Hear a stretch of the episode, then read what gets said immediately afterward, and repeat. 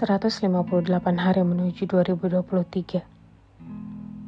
Mungkin bedanya jatuh cinta kali ini sudah masuk di fase dewasa, yang orientasinya bukan lagi cuma sebatas chattingan. Kali ini memang benar-benar ingin the only one for something. Tidak sekedar basa-basi yang menanyakan lagi ngapain berulang kali tiap jam. Mengurangi kadar curiga lalu marah-marahan gak jelas semua sudah terlihat jelas bahwa kali ini memang harus punya visi yang sama. Tidak sekedar untuk main-main, yang paham tentang menjaga satu sama lain, yang sudah merasa cukup. Karena aku belajar, pondasi hubungan itu ada di pihak laki-laki. Kalau laki-laki itu kuat dan mau bertahan, ibaratkan perempuannya kayak badai, angin topan, tsunami sekalipun, kalau memang dia beneran sayang, pasti bakal langgeng dan bertahan. Gak ada cerita laki-laki yang serius atau sayang lantas ngelepasin seseorang yang sama dia gitu aja. Aku juga paham bentuk komitmennya seorang laki-laki bukan dengan dia menjanjikan ingin menikahi kamu.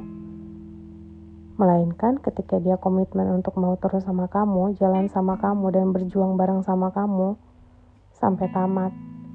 Jadi apa pun halangannya, semua bisa diatasin bareng-bareng.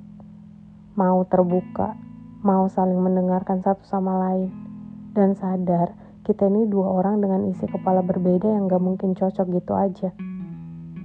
Semua orang bisa kasih kepastian, tapi sedikit sekali orang yang mau terus berkomitmen.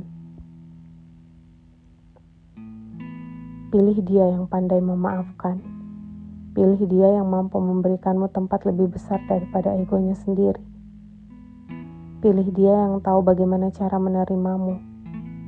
Pilih dia yang tetap ingin memelukmu meski kamu sering membuatnya marah. Pilih dia yang sanggup meredamkan amarahmu. Pilih dia yang tetap memilihmu meski seluruh kekuranganmu telah dia ketahui satu persatu. Dan pilihlah dia yang selalu berterima kasih meski hanya untuk hal-hal kecil yang kamu lakukan untuknya. Jika sudah menemukan, jaga baik-baik karena banyak orang mencintai kelebihanmu, tapi hanya orang yang benar-benar mencintaimu yang sanggup memeluk kekuranganmu. Sebab sesuatu yang dipilih oleh hati itu unik. Terkadang ia akan berlawanan dengan apa yang mata dan raga pilih. Maka jangan bertanya pada seseorang soal apa yang ia pilih dari kecenderungan hatinya karena bisa jadi ia tidak tahu jawaban kenapa memilihnya. Karena itu adalah pilihan hati. Kita tidak butuh orang yang paham akan dunia kita. Kita hanya butuh dia yang mau menerima dunia kita. Dia yang mau belajar untuk tahu tentang apa yang kita suka. Tidak harus sama hobi, tidak harus menyukai hal-hal yang sama. Selain tahu dan paham, baiknya paham cara yang baik untuk komunikasi.